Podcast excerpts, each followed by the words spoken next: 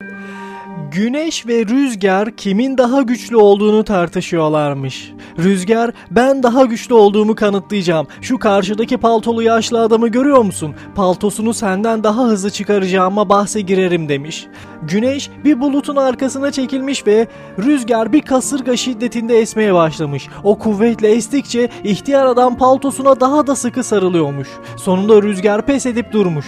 Güneş bulutların arkasından çıkıp yaşlı adama nazikçe gülümsemiş. Çok geçmeden adam alnındaki teri silip paltosunu çıkarmış. Güneş rüzgara nazik ve dostça davranışın şiddet ve güç gösterisinden her zaman daha etkili olduğunu söylemiş ve tatlı dilin yılanı deliğinden çıkaracağını hatırlatmış. Değerli dinleyenler öyle değil midir? Birisine bir şey yaptırtmak istiyorsak onu zorla yaptırtamayız. Ona iyilikle, güzellikle davrandığımız takdirde hoşnut olarak istediğimiz işi kendisine yaptırmış olabiliriz. Bu nedenle önce tatlı dili, önce iyiliği denememiz gerekiyor ki biz de kendimizi iyi hissedelim. İnsanlara güzel bir şekilde davranalım ki etrafımızdaki insanlar da hem bizden hoşnut kalsınlar hem de bize yardımcı olarak bizim onlardan istemiş olduğumuz şeyi hiç zorluk çıkartmadan yine bize sunmuş olsunlar. Yani iyilik yapıp suya atalım karşılığı mutlaka bize dönmüş olacaktır.